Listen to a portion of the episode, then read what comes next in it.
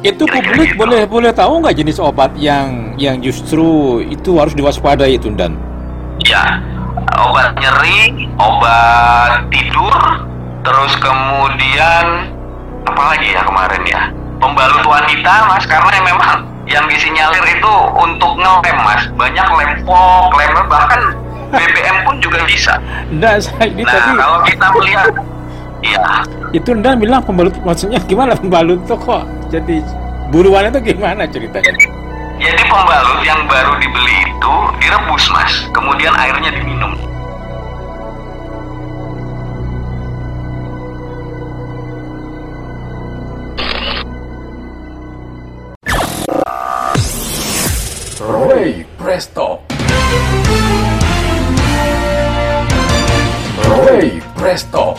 Let's Care and Share. Bersama saya, Ria Ruman.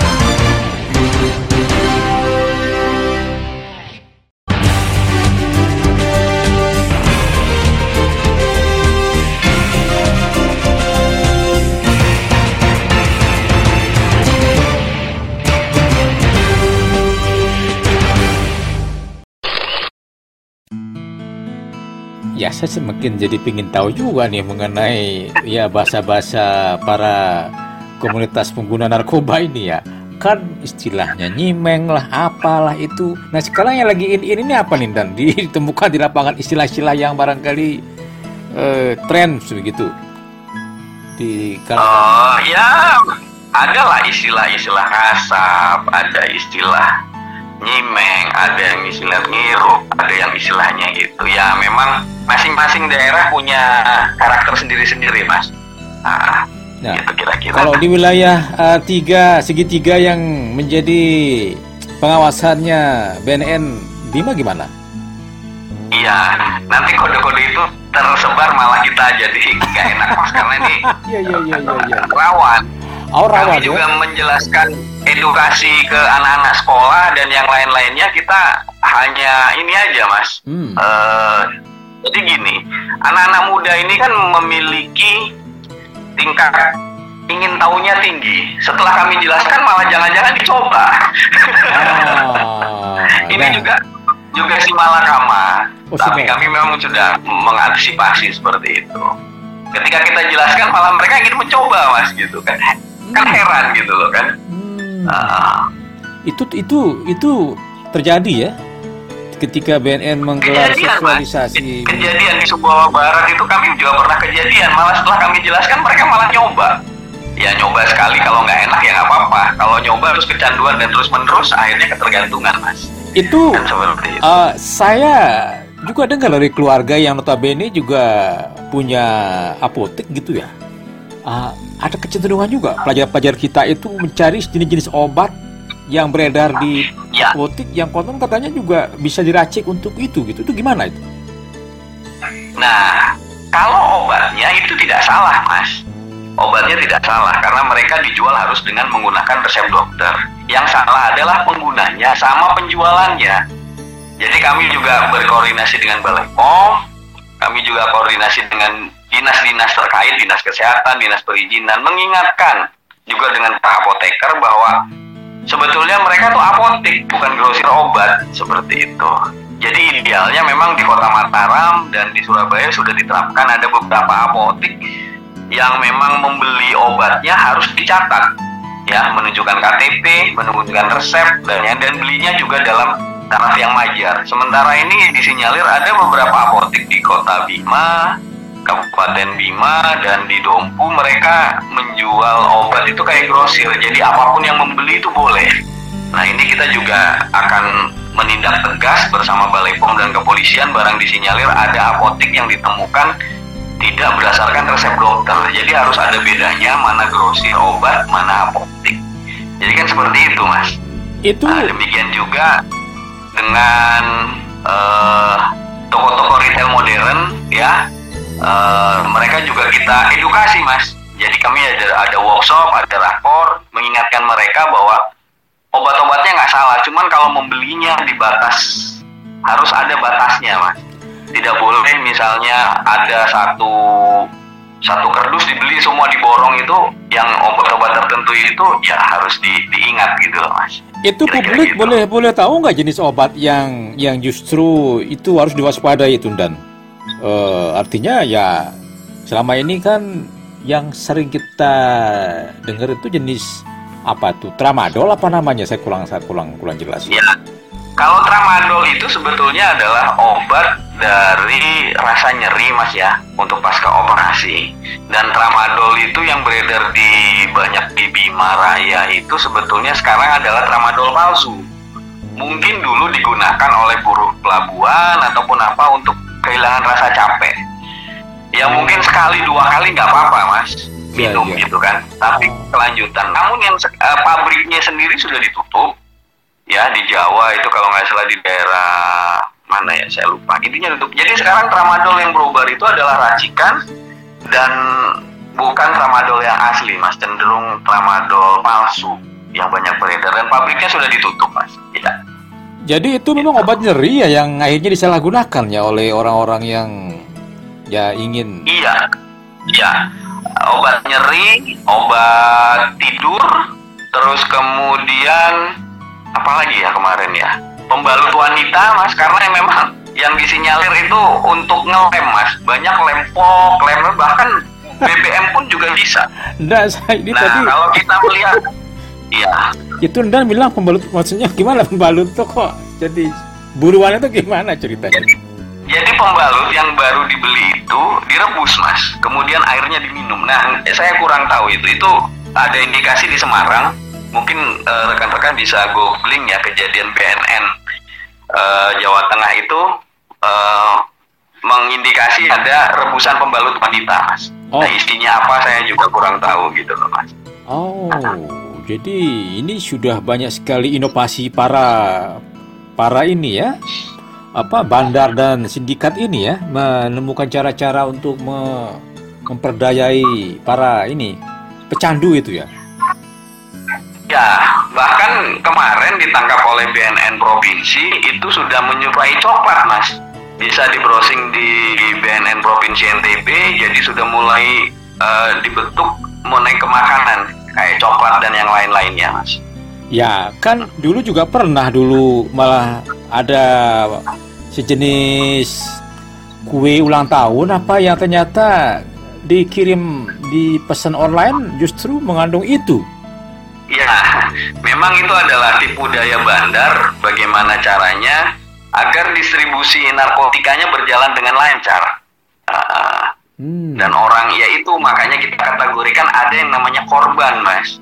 Uh, dan mereka motivasinya adalah memang untuk uh, ya ketidaktahuan gitu ketidaktahuan gitu baik dan ya uh, saya ingin dan memberikan beberapa ya alasan yang sangat bisa mengerikan ya barangkali bagi masyarakat mengapa kita harus berperang melawan narkoba ini iya satu memang motivasi ekonomi yang kedua uh, artinya ya, masalah ekonomi itu tadi uh, mencari uang itu dengan cepat. Namun uh, yang kita sarankan adalah apabila generasi kita hancur, negara kita akan hancur.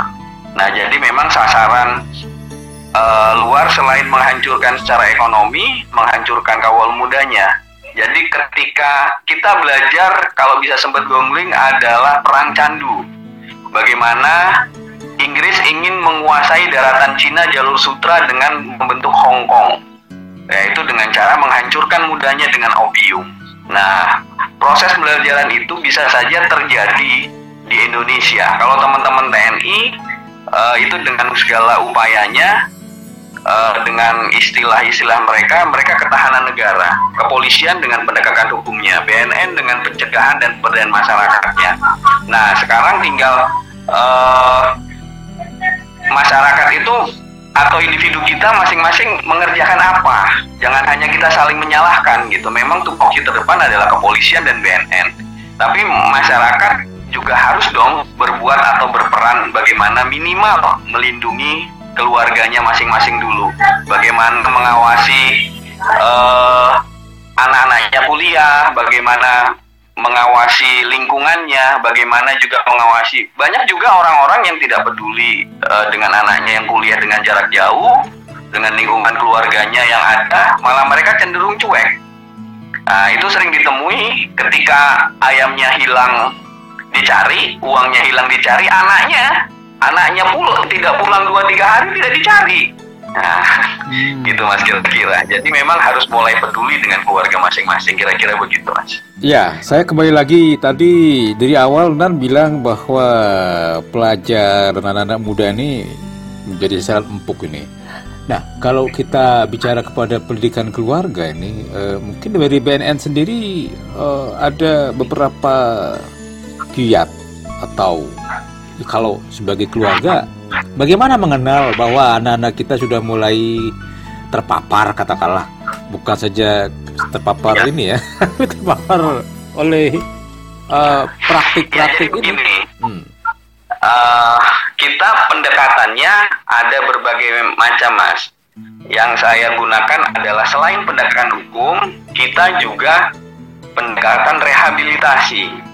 Jadi orang kebanyakan beranggapan bahwa narkotika itu adalah kriminal.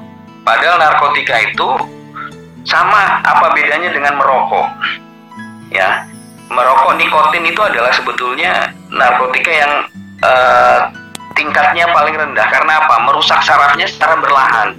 Tapi kalau uh, narkoba ini menyerangnya adalah amat sangat dan otak dibuatnya uh, yang diserang adalah otaknya, Mas. Jadi kalau otaknya sudah rusak dan yang lainnya, biarpun ikut program rehabilitasi, saraf-saraf yang rusak itu tidak uh, me membenarkan struktur yang ada.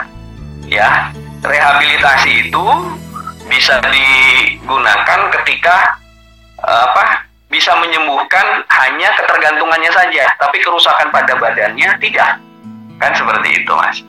Nah, sampai di mana tadi kok saya jadi agak lupa nih? Uh, ya ini uh, ya. bagaimana kita sebagai orang tua harus waspada uh, ya. tahu ciri-ciri okay, bahwa ya. anggota keluarga kita itu misalnya sudah mulai mengarah begitu kan bagi untuk mewaspadai ya. itu gitu ya.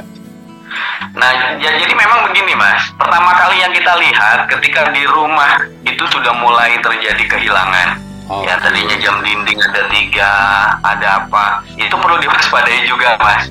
Karena biasanya obat-obatan ini kan agak mahal, jadi perlu ekstra. Terus kemudian selain kita juga melakukan pemberdayaan ke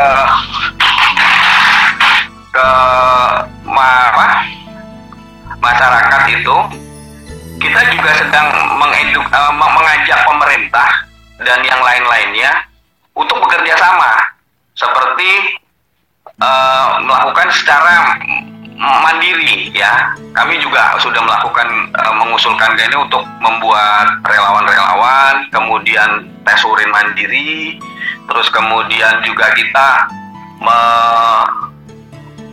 bahwa sekarang harusnya pemerintah dan stakeholder lainnya juga ikut memikirkan gitu. Seperti kita menjaga mempertahankan lingkungan kita gimana caranya supaya kita tidak menggunakan narkotika? Ya jadi bukan hanya kita pencegahan masyarakat sendiri juga boleh.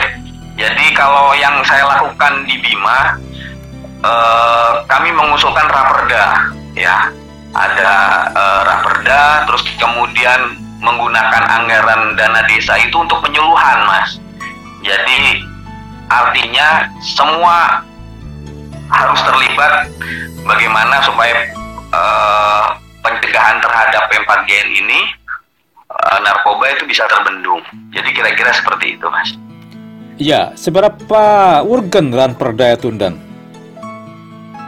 Uh, jadi begini, ketika ada undang-undang uh, yang di atas, yang uh, nasional, itu kan perlu ada pengejauhan tahannya di belakang, di bawah. Jadi sekarang, contoh kayak warnet tadi, Mas Yeah. Nah itu yang bertanggung jawab izinnya siapa? Nah sekarang apakah Pemkot atau kabupaten itu hanya membuat izin, mereka tidak melakukan pengawasan dengan raperda berarti ada rekan kami dari Satpol PP boleh mengambil alih, Mas. Keterbatasan masalah perizinannya, pertanggung jawabnya, pengawasannya. Jadi semakin banyak. Demikian juga di Raperda itu akan kita usulkan eh, tempat-tempat itu harus saling mengawasi. Sekarang kafe-kafe ataupun yang mana itu boleh mas, Eh, apa supaya kita masing-masing harus em, supaya sama-sama kita mengawasi narkotika lah, jangan sampai lempar batu sembunyi tangan atau sengaja tempat hiburan, tempat ini mencari keuntungannya sendiri. Kira-kira begitu mas. Ya, nah kalau di kasus di Bima, kemudian kabupaten kota dan di Dompu itu eh, dari pengalaman BNN siapa sebenarnya tokoh-tokoh yang memegang kunci dalam kerangka ini berperang melawan narkoba ini? Ya, tentunya kalau saya adalah dari keluarganya sendiri, Mas. Dari keluarganya sendiri. Karena sekarang kita ngelihat anak-anak banyak suka berkeliaran di luar jam kayak sekarang jam 10 liburan masih banyak anak-anak di luar, Mas. Terus kemudian di lingkungan sendiri tidak pernah diawasi oleh lingkungan. Kalau saya berperan pengawasan adalah cenderung dari keluarga, bagaimana mengawasi lingkungannya, gitu ya, Ah, keluarganya. Kira-kira begitu, Mas. Ray Presto. Ray Presto. Let's care and share. Bersama saya, Rea Ruman.